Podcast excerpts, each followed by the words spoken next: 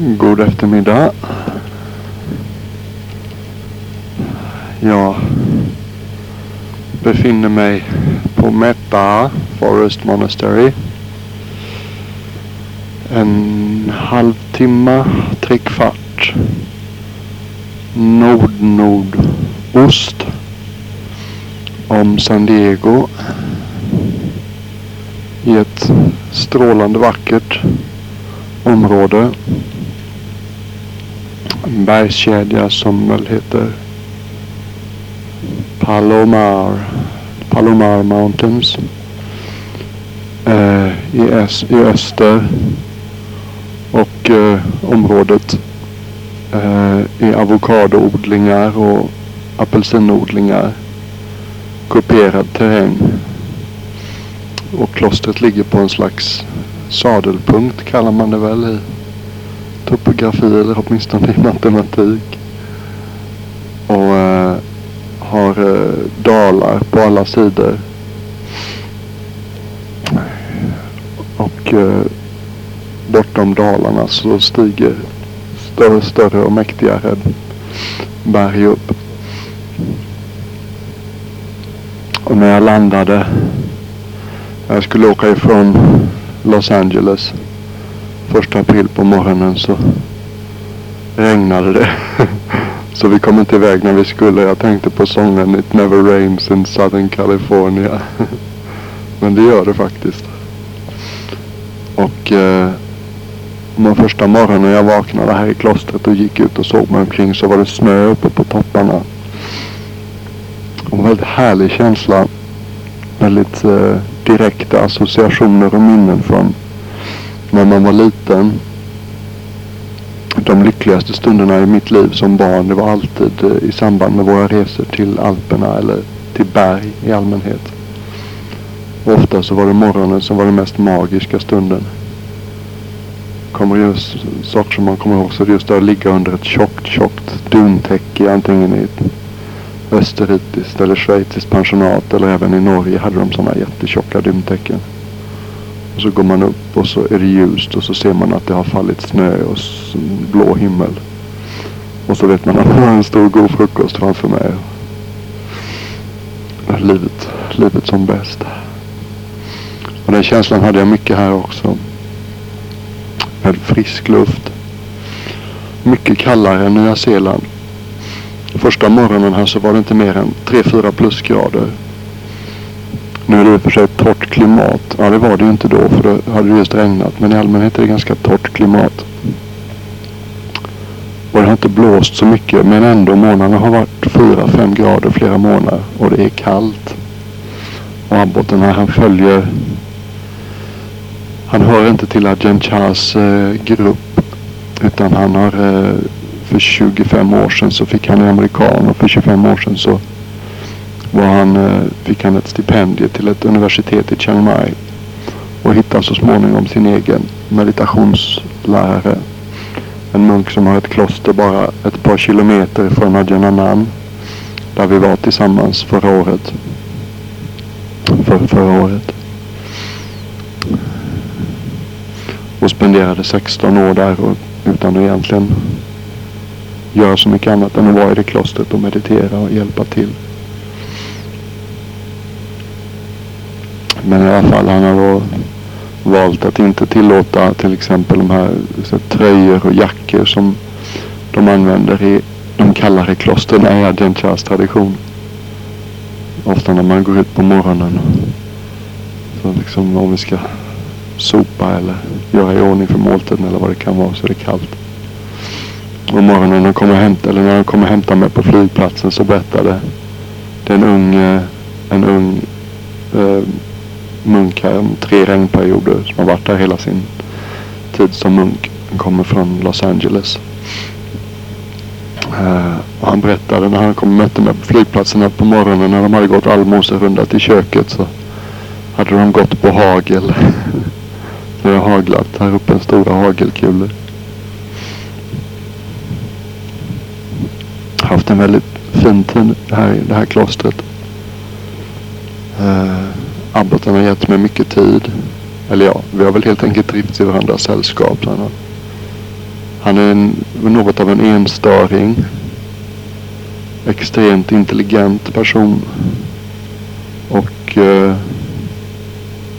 mycket, mycket kunnig om skrifterna men även en eh, mycket talangfull meditatör. Som kan, som kan, han är så skärpt hela tiden så att det, man, man, man, man eh, vad ska jag säga, på sätt och vis, jag tycker väldigt mycket om att vara med sådana munkar därför att det så att säga på något sätt så är det de mest stimulerande människorna jag, jag vet.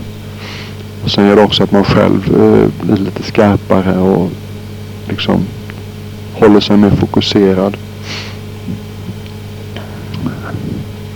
Han är väl kanske inte, jag skulle säga, om vi ska tala om känslomässig intelligens så har han väl inte kanske då, han är oerhört snäll och generös och omtänksam. Men han är inte, säga, han är inte socialt lika begåvad som till exempel Adjan Sumedo eller Adjan Daesaro eller Adjan Passano. Och sen märker man också när man lever det här livet, våra lärare och de upplysta munkar, de talar ofta om en del av vårt öde, det styrs av saker som har hänt i tidigare liv. Och eh, Abbot, jag sa just det att jag, jag hade gärna velat se att efter tio år här i Meta Forest Monastery skulle han åtminstone haft en handfull av imponerande och glada munkar. Och han sa det, ja jag håller med dig men det, det hör tydligen till mitt, mitt arv från det förgångna att jag, jag har inte den, eh, jag har inte den begåvningen eller gåvan att eh, attrahera munkar i någon större utsträckning. Och han är en ensamvarg, det får man, det får, det får man säga. Men han är, som många människor så är han inte så bra i grupp men one on one. På tu man hand är han väldigt, eh, är han väldigt behaglig. Och det gör också att han får väldigt lojala supporters och meditatörer omkring sig. För att han, han ger dem mycket individuell tid. Och så fort någon vill tala om meditation eller Buddhas lära så är han alltid tillgänglig. Men han är ganska avfärdande och ointresserad när det handlar om världsliga ting. Vilket jag uppskattar allt mer den sortens den sortens, eh, ska vi säga äh, äh, ortodoxi eller radikalism eller vad ni vill kalla det. Det är så mycket som, som drar oss in i världen och samsaras evigt nya former. Så att det krävs en ganska resolut stans. Och hela tiden veta var man har lagt sina, om man har satt sina pengar. vilken, vilken häst man har satsat på. Eller. Och inte låta sig förföras av det här ständiga, ständiga flödet av nya former och nya ljud och nya intressanta intellektuella äventyr som Samsara ständigt erbjuder. Speciellt på en sån här plats. Hollywood så nära och man såg med en gång alla människor är så vackra här och så här, ja, det är väl en överdrift men uh, det finns en, Eh, oerhört oerhörd fåfänga i södra Kalifornien märker man. Hollywood är hyfsat nära och kroppen är, ges sån oerhörd vikt överhuvudtaget. Och varenda livsmedel har så detaljerad information på sig om vad det innehåller och vad det är bra för. Och klostret är fullt av vitaminpiller av alla olika slag. Vi hade Songkran, thailändska nyåret firades här i söndags med pompa och ståt med var väl närmare 200 människor som kom upp skulle jag kunna gissa. Klostret hade stöds huvudsakligen av thailändare. Ja, det är inte riktigt sant faktiskt. Det var ju trots allt en amerikan som donerade grundplåten till klostret. När marken köptes för tio år sedan så köpte det var ungefär en halv miljon US dollars. Det är en ganska perfekt eh, ställe. Det är så tyst och ostört och ja, behagligt på alla sätt och vis. Ren luft och Men eh, och den mannen som, som gav den donationen, John Bullitt. han är en av de, ska vi säga, västerländska välgörarna inom Theravada-buddhismen. Den eh, CDn som jag skickar med hem nu, den har han, det är han som har gjort den. Han är också väldigt kunnig om buddhismen, rent, ska vi säga, den skriftliga sidan också och även en hängiven meditatör. Jag tror att pappa skulle kunna uppskatta den, den CDn, ta en titt på den. Den ger en väldigt solid bild av, av buddhism. Det mesta av det som finns där är översatt och skrivet av Ajahn Jeff, som abboten här heter. Hans palinamn är Tanissaro Bhikkhu. Men i vardagslag så kallar vi honom Agent Jeff. man ser amerikansk, amerikansk eller västländsk buddhism är lite annorlunda på Songkran, den här stora högtiden. Så var det en amerikansk man med sin eh, thailändska fru som kom lite sent och vi hade redan tagit emot all maten. Men han klev in i salen och ville, ville överlämna det han hade med sig. Lite mat. Och kommer in och ställer sig framför abboten, högt, tonar högt över abboten och säger Oh Jeffy!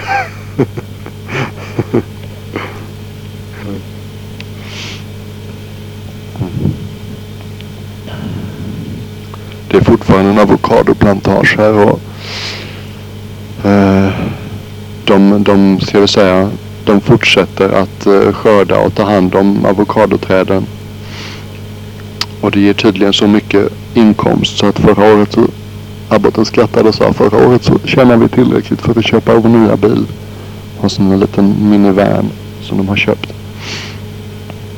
En väldigt duktig mexikansk man som är chef för trädgården och han har väl två medhjälpare tror jag som går omkring. Det är rätt mycket att göra med avokadoodling tydligen.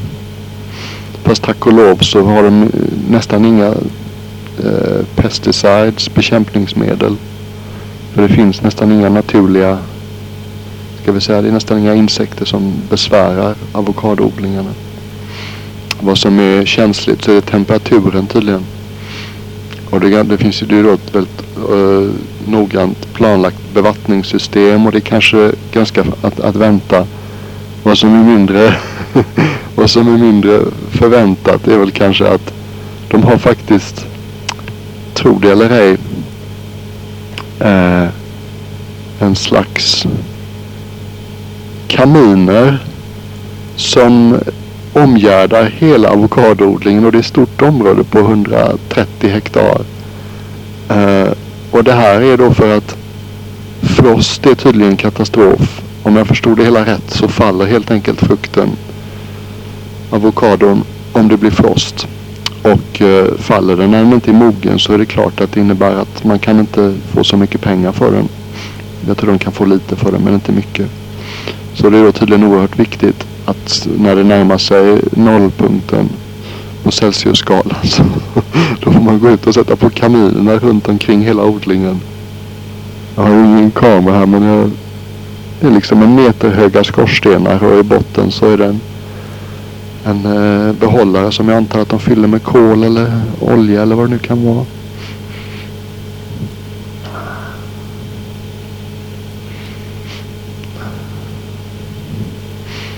första morgonen jag kom, eller jag kom på eftermiddagen och första morgonen så var det inbjudna till eh, en thailändsk restaurang i San Diego och skulle göra den årliga välsignelsen. Adjan Jeff han, han är väldigt mycket den gamla thailändska skogstraditionsskolan. Väldigt anti eh, busy busy. han, han ursäktade sig så här när jag kommer för Alltså att du kommer på de um, absolut mest upptagna dagarna på hela året. Normalt sett så händer här absolut ingenting. Hans attityd i sitt kloster är att det här ska vara ett perfekt ställe för att meditera. Huruvida någon kommer och mediterar eller inte, det är en bisak. Och jag är intresserad av att skapa de ypperliga möjligheter för de som verkligen är intresserade av att komma och eh, leva munklivet och följa Buddhas lära. Men, och det ingår då inte att man, ska vi säga, ger sig av på en massa inbjudningar och sånt. Han accepterar nästan aldrig några inbjudningar men tydligen så är det här en gång om året. En restaurang i San Diego som han accepterar. det är säkert folk som har hjälpt honom i klostret extra mycket. Där han känner att han vill ge någonting tillbaka.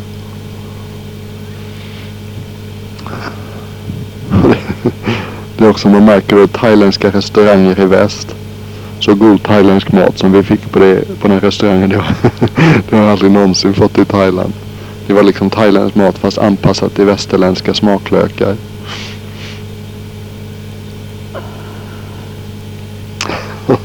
När måltiden var över och vi hade gjort, vi sjunger sådana här välsignelser då, eller protective verses.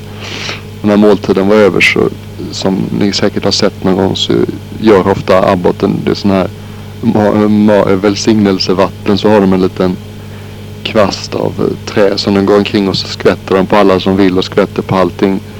Så välsignade abboten gör det medan resten av munkarna sjunger en speciell eh, ska vi säga, eh, välsignelse. Och, eh, och här, man märker de här affär, thailändska affärskvinnor, de är ofta väldigt, ska vi säga, de är grymt artiga och vänliga och mjuka men där inne så döljer det sig en kallhamrad affärsman märker man ofta. Och han liksom gick omkring och och välsignade och hon tittade på honom och så sa hon Glöm inte the cash register. register. Se till att välsigna vår kassaapparat. Några dagar senare så, eh, så var det den andra inbjudan den här veckan. Och det var väl då som sagt ovanligt med så mycket. Normalt sett så tror jag inte det är mer än fem sex gånger om året som de går ut till folks hus. En av eh, thailändska kungafamiljens prinsessor flyttade i unga år hemifrån och slog sig ner mot sina föräldrars vilja här i, i Kalifornien med en amerikansk man som heter Peter. skulle gissa att de möttes när de studerade på college. Under flera år så, så var hon väl nästan förklarad, ska vi säga, avfälling. Men sen när hon fick barn så började väl mormor och morfar och förlåta henne igen och, och nu är relationen fin igen. Hur som helst, hon har bott eh, i San Diego i nästan hela sitt vuxna liv. Förra året, under det sista året har hon skilt sig från sin amerikanska man. Men hur som helst, hennes födelsedag ligger ofta i samband med Songkran. Och eh, munkarna här och munkarna från det thailändska klostret i Los Angeles var inbjudna eh, att åka dit i förrgår. Och då hon hade då specificerat hur många munkar som de ville skulle komma så att jag var inte inbjuden utan jag stannade här på klostret. och Adjan Jeff berättade att när de gjorde den här lilla vattenvälsignelseceremonin där så var hon väldigt noga med att peka ut alla de ställena där hennes man tidigare hade trivts. så det första stället som hon tog in Adjan Jeff till för att välsigna så var det sängen och sängkammaren. Och så var det tvn och stod tv-stolen där hennes man Peter hade suttit mycket. mm.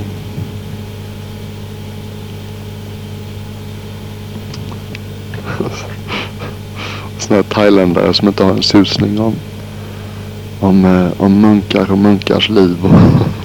En av männen, det är ju sån här, så här lite glitterati folk då liksom. Eh, thailändare som tycker om att eh, hänga, hänga omkring med, med medlemmar i thailändska kungafamiljen.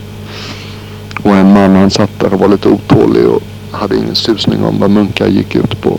Munkar och munkliv går ut på. Han sa, sa högt till ingen speciell tror jag att Ah, vad fånigt att munkarna har stora skålar med sig för att de ska bära hem mat som de ska kunna käka ikväll och imorgon eller? Varför kan de inte äta på tallrikar som vanligt folk?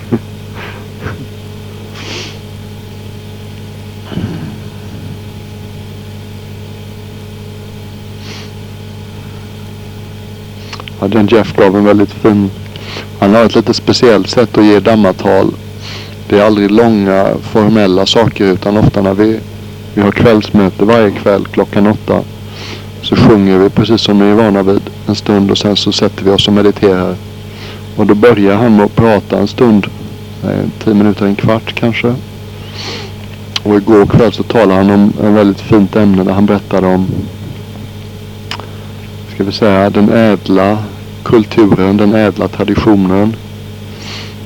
Buddha en gång kom hem till eh, Kapilavatthu, hans hemstad som han hade lämnat som ung man.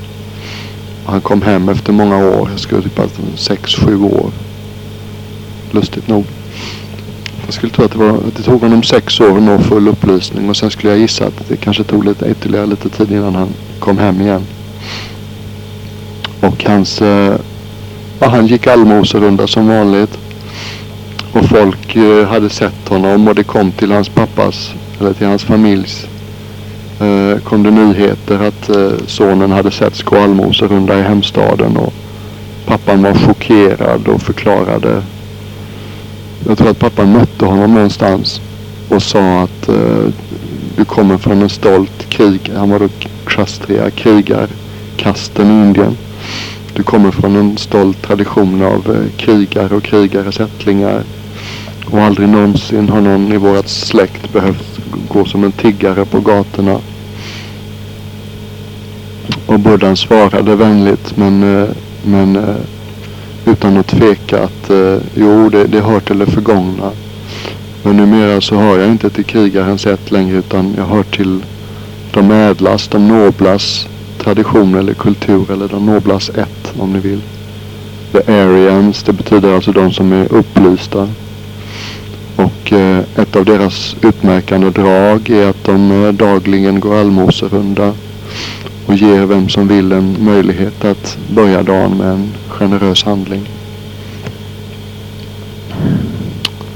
Och så uppmanade John Jeff oss att, att inte tänka på oss själva som europeer eller influerad av thailändsk kultur eller indisk kultur eller svensk kultur.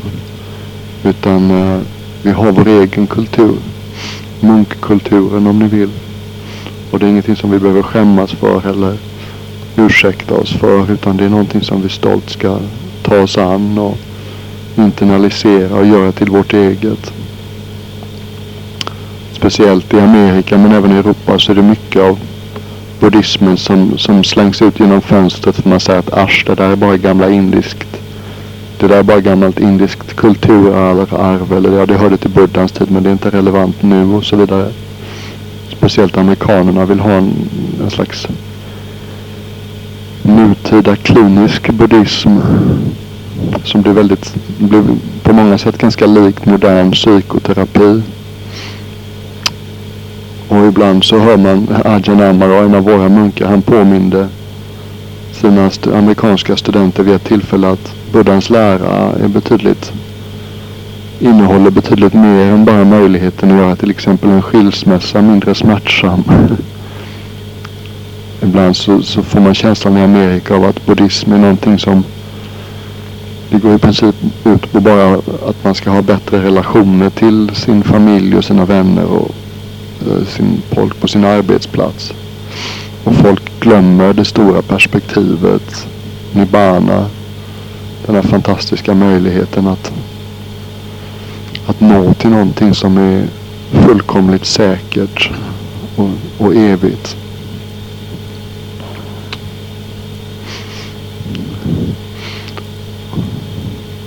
Och en av de latenserna, en av de potentialerna som vi har i oss eh, som ger så mycket lycka.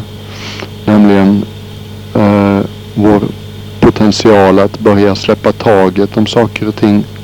Avstå från saker och ting. Sluta att behöva så mycket. Och den lätthet och frihet, inre lätthet och inre frihet som det ger. Den vågar den vågar lekmanna buddhistlärare knappt prata om i väst därför att eh, det kanske, det går väl kanske lite emot, eh, stryker folk mothårs lite grann och får höra att ni måste släppa taget om de mera simpla formerna av nöjen för att eh, kunna få smak för mera sofistikerade och subtilare nivåer och former av glädje. Det är något som jag ser mycket med, säg bara, bara det faktum att man lever i totalt celibat och all den mentala och fysiska energi som kommer av det. Att vi behöver sova så lite och, och har så mycket energi ett mycket mindre komplicerat och mycket mindre eh, själviskt förhållningssätt till kvinnor till exempel. Att man är avslappnad och inte ute efter någonting. är väldigt, väldigt behagligt. Kände det när jag träffade eh,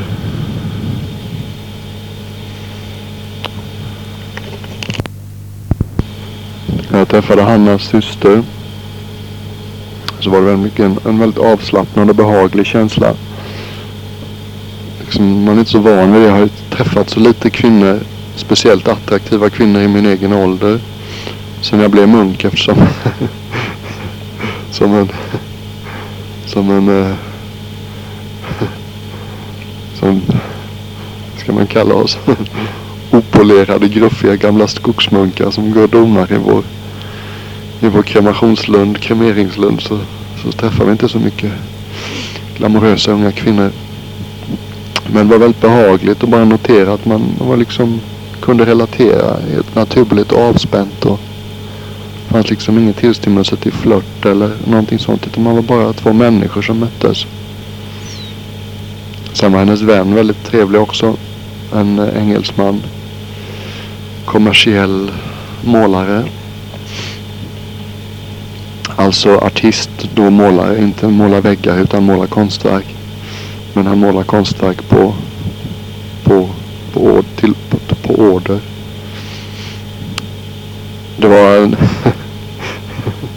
typiskt exempel på hur, ska man säga, väl, känslan jag har när jag kommer till ett modernt samhälle nu ser att det är så mycket yta och så lite innehåll Jag kan ta ett exempel. Nere på flygplanet eh, United Airlines så har de ett sånt här jättesofistikerat underhållningssystem med 15 musikkanaler och kanon eh, high-tech hörlurar och så individuella små video eh, skärmar där man kan se filmer med 8-10 kanaler med olika filmer och underhållningsprogram som pågår samtidigt. Och det är super, super duper high tech allting. Problemet är bara att de visar inga bra filmer. På vägen mellan eh, Australien och Nya Zeeland så var det inte en enda bra film. och helytliga och fåniga, ska vi säga, nyhetsunderhållningsprogram. Det fanns väl några naturprogram som var något sådär men det är så snabbt och ytligt nu för tiden som man och så är det så mycket avbrott och ja, det är liksom, man hinner inte sjunka in i någonting. På vägen mellan eh, Nya Zeeland och Amerika så var det tack och lov en film som var anständig så man hade lite roligt i alla fall. Och de här musikkanalerna var nästan allihopa det var väl mellan, mellan Australien och Nya Zeeland med Ansett Airways. Så hade de faktiskt en ganska bra kanal med ja, musik från 1974. Sådana här retroprogram och det är ganska lustigt för många sådana här gamla låtar som man som man har en massa minnen till. Det märker man att, att musik det innehåller väldigt eh, starka minnespaket och minnesbilder.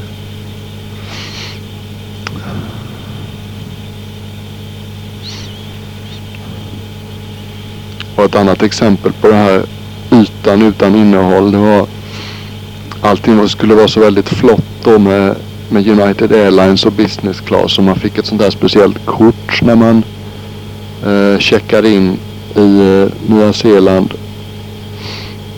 I Auckland.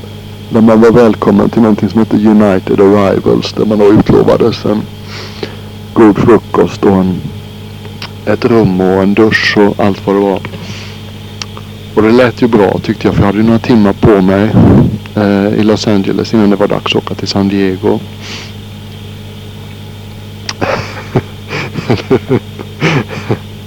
och när man kommer till, kommer till flygplatsen i Los Angeles. Dels är vi sena redan när vi landar. Och eh, dels hade just anlänt två stycken stora flygplan fulla med människor. Så immigrations var väl en timme eller så. Så där hinner han ju klockan bli efter tolv då innan, innan jag kom igenom immigration. Så därmed var då möjligheten att äta någonting över. Och, eh, och sen ska jag gå igenom tullen och, och jag hade ju bara min, min svarta väska. Och, och då dök det upp en kvinna där och frågade mig, är det här ditt bagage? Ja, jo det är allt, sa jag. Ja, gå till höger här, sa hon och det var rött då. Ja, men jag har ingenting så jag går nog till vänster, sa hon. Gå till höger, sa hon. Och det visade sig att jag hade blivit utplockad på sån här individuell eh, examinering. Så de gick igenom allting väldigt noga. De var artiga och sådär men jag visste ju också att Hannas syster och hennes kompis förmodligen väntade utanför. Vi var redan en timme sena. Men eh, det var bara att, att le och le sött och vara vänlig. Men samtidigt tänker man liksom Ja men tänk om hon hittar någonting som hon tänker sätta tull på nu. Då står jag här utan ett cent på fickan. och samtidigt så är jag helt cool därför att det är en väldigt verklig eh, reträtt för mig nu för tiden. Den här den goda intentionen och skadeslösheten, harmlessness. den här känslan av att jag är inte ute för att skada någon eller sko mig på någon utan jag har helt och hållet goda intentioner så händer det någonting så ordnar det sig säkert. Och det gör det ju alltid också. så hur som helst, efter den här ganska genomgående undersökningen av mitt bagage så kom jag till slut ut och då fanns det en disk precis innan dörren i, ut till, kan säga, till offentliga utrymmena så fanns det en disk för United Airlines. Där, där det såg ut som om jag kunde plocka upp min biljett som pappa hade varit snäll och köpa för mig till San Diego. Och då var ju hela deras, eh, ska vi säga, informationssystem. Det var någonting som var fel där därför att de såg att pappa hade betalt det här men de kunde inte hitta rätt kod för sin computer för att eh, för att trycka ut biljetten åt mig. På något sätt så det stod fel belopp på biljetten eller kvittot representerade mer pengar än vad biljetten kostade. Och de vägrade att säga någonting till mig. Efter en stund blev jag lite otålig och sa kan, kan ni inte berätta för mig vad som händer? Jag har stått här i 15 minuter och ni säger inte ett ord om vad, vad ni håller på med. Väldigt vimsiga och eh, ja, vimsiga tjejer som sprang omkring där och försökte att lösa det här. Inte speciellt artiga eller intresserade heller. För den delen var vänliga men, inte knappt mer. Och efter en halvtimmes väntan där ungefär så till slut lyckades de få ihop någonting som såg ut som ett kvitto och ett, eh, och ett boarding card. Så till slut när jag kom ut och mötte Eh, hennes syster Bissan och hennes vän så, eh, så hade vi inte så mycket tid på oss. Men det var väldigt trevligt att träffa dem. De var väldigt eh, vänliga och så de klagade inte alls över det faktum att de hade faktiskt stått där i över en och en halv timme och bara väntat på mig. Utan vi gick över till eh, gaten där jag skulle gå ombord på San Diego-planet och så hade vi varsin kopp starkt och gott kaffe. De satt och pratade en stund. Väldigt avslappnade. Jag märker att jag, jag uppskattar nog, vad ska jag säga, både nyzeeländsk och amerikansk kultur uppskattar jag egentligen mer nu än när jag var lekman. Den sortens, ska vi säga, öppenhet och direkthet kunde nästan vara lite, kännas lite över, överväldigande eller överrumplande för mig. Förr i tiden, men sen jag blev munk så har jag blivit mycket mer öppen och avslappnad och tror jag mer anspråkslös i mitt sätt att umgås. Och eh, och det gör att jag tycker det är väldigt skönt med lättsamma människor som inte har några chauser. Svenskar som kommer till Nanachat kan ofta känna så här tillknäppta och konstlade och svåråtkomliga och fulla av så, så här, sociala barriärer. Nya Zeeland, det var härligt. Alltså man gick vi var ju då och då var vi ute på små promenader. Där var vi ute och gick. Och, eller ja, första gången jag var ute och gick utanför klostret så man säger hej till alla som går förbi en på gatan. Väldigt härlig sån här pionjäranda. Går ut på gatan och så kommer mammorna förbi hand i hand med sina barn som tar till skolan eller några ungdomar som är väg till plugget ensamma och tittar glatt upp på buddhistmunken och säger god morgon, god morgon, hallå, hallå.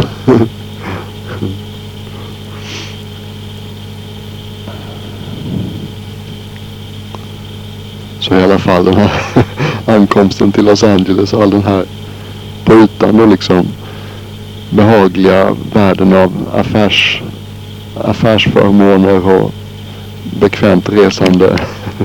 Men om man tittar på substansen så det här United Arrivals programmet är fullständigt föll platt och istället så anländer man för sent och blir otrevligt behandlad och får vänta överallt.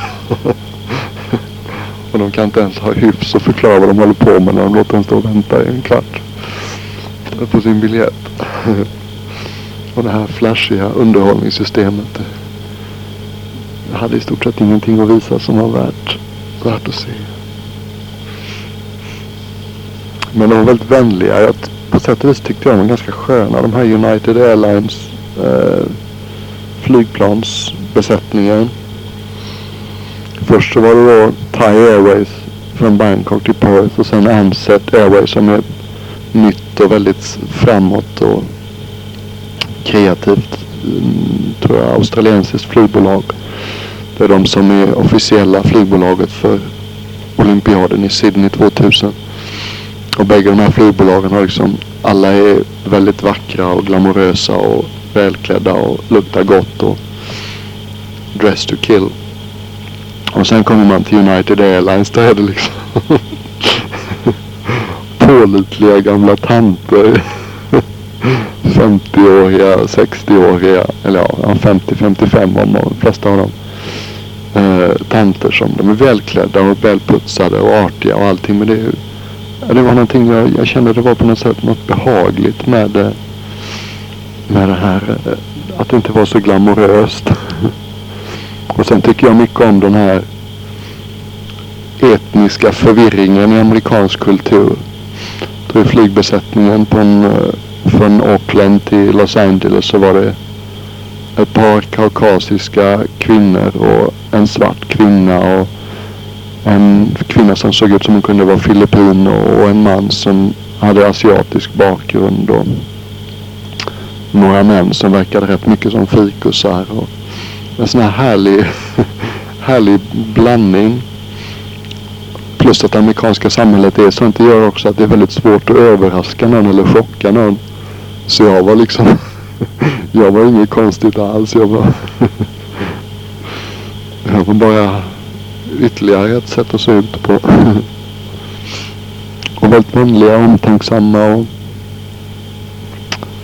eh, såg väl, tog väl hand om oss tyckte jag.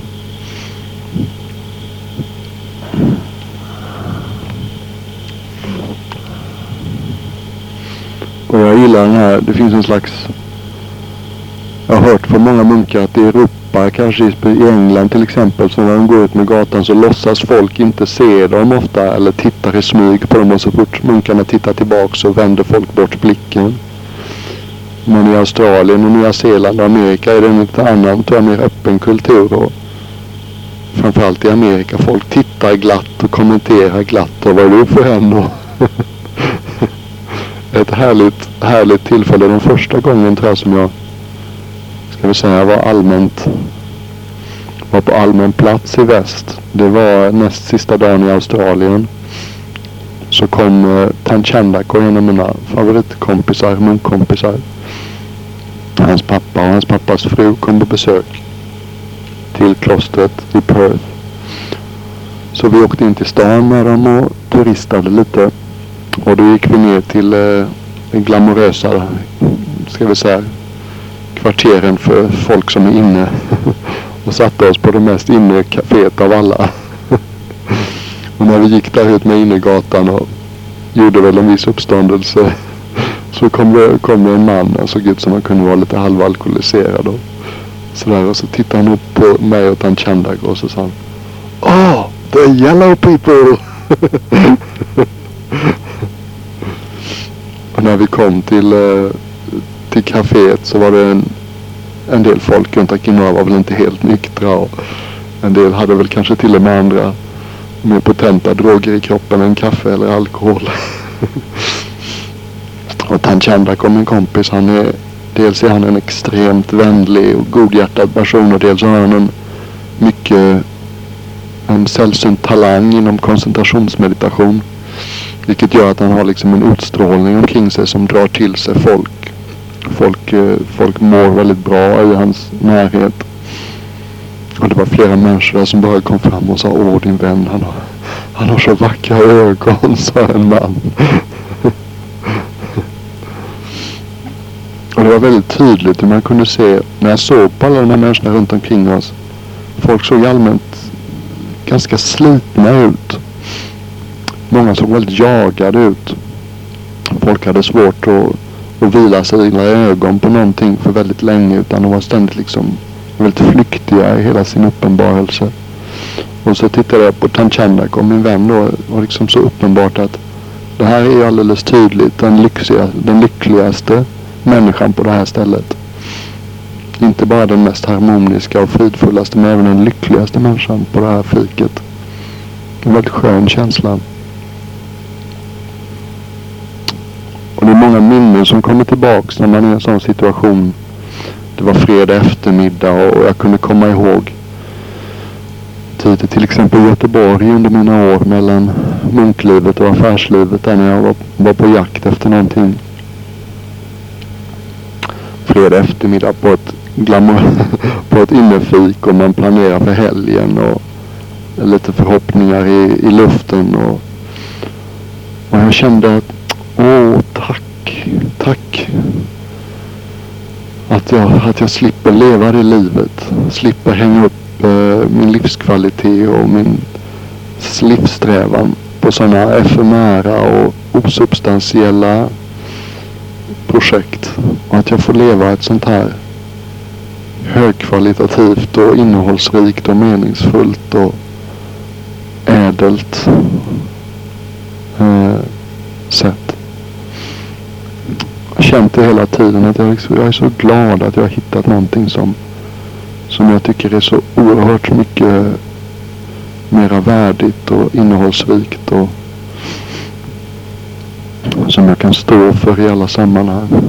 Jag kan inte alltid förklara det men jag kan alltid på ett intuitivt plan stå för det. Och hela min, hela min lojalitet ligger, ligger i, i min, kärlek till, till, till munklivet och till buddhas lära och till sanningssökande. Det är väldigt skönt att känna det att man är på något sätt man är trygg. Man har hittat en hamn. Och hur mycket den blåser så känner jag nu för tiden att Ibland är jag nästan chockad över hur, hur väl jag kan ta det även när det blåser. Ibland hamnar man i ganska konstiga situationer när man är ute och reser sig. Men jag helt liksom, jag vet var jag har mina I put my chips down.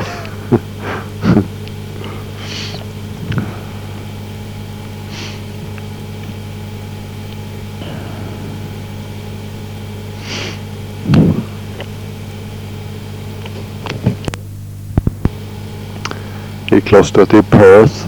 Var väldigt annorlunda än här. Abboten Ajahn Brahma Wangsa som har skrivit den här boken som mamma eh, som mamma har börjat läsa. Jag skickar med några band också. Jag vet inte vad det blir riktigt men det blir åtminstone ett som heter Depression. De har ordnat det väldigt bra i Perth. De är väldigt väl stödda. Så de har dels klostret och sen har de ett centrum i stan som är drivet av lekmän. Och varje helg så åker abboten Ajahn Brahman åker in lite och håller dammatal på fredag kväll. Undervisar folk i meditation lördag, söndag och, och har individuella samtal med folk som behöver prata om, om livets olika sidor. Hur som helst, när han åker in till det här stadscentret över helgen då håller han väldigt enkla eh, tal om livet i allmänhet och det är inte speciellt mycket komplicerade termer eller ska vi säga ja, det är inte så abstrakt som kanske mer formell Danmark kan vara. Och det här, vi har inte så många av de kassetterna tillgängliga ute i klostret för de finns mest i stadscentret. Men just den här tejpen, eh, om depression. Den fanns i klostret. Fastän det talet gavs till lekman, lekmän och lekkvinnor i stadscentret. Och jag lyssnade på den själv och tyckte mycket om den. Jag tyckte det var väldigt bra tal om, om varför vi blir deprimerade och hur vi kan låta bli att bli deprimerade. och talet i sig är inte alls deprimerande utan det är, det är väldigt trevligt att lyssna på. Även om ämnet kan låta tungt. Och det är, man behöver inte alls vara deprimerad för att ha någon nytta av det. Utan tvärtom så är det sånt som är jättebra att komma ihåg. Eh, när livet kanske kan börja kännas tungt. Så det rekommenderar jag varmt. Och sen så skickar jag nog med några andra tal av honom också. Men de är då gjorda eh, i klostret. Och är därför riktade till munkar och kanske därför lite mindre angelägna eller relevanta för er. Det talet som heter Cessation, det kan ju vara, vara roligt för er att lyssna på kanske av det skälet att eh, sista kvällen jag var där så, så frågade abboten oss vid testunden om det var någon som hade ett speciellt ämne som de ville höra om. Och då föreslog jag just ämnet cessation eller saker och tings upphörande. Därför att det är en, ett, en term, ett koncept, ett begrepp som ofta som jag finner mer och mer intressant men som jag fortfarande tittar, har klart för mig alla dess implikationer och alla dess former. Men, det hör till de talen som är lite mer eh, kanske avlägsna eller abstrakta eller mindre relevanta för en, en person som inte är buddhist och inte är munk. Sen skickar jag, jag ska ta några kopior ikväll på Adjan Jeffs tal också.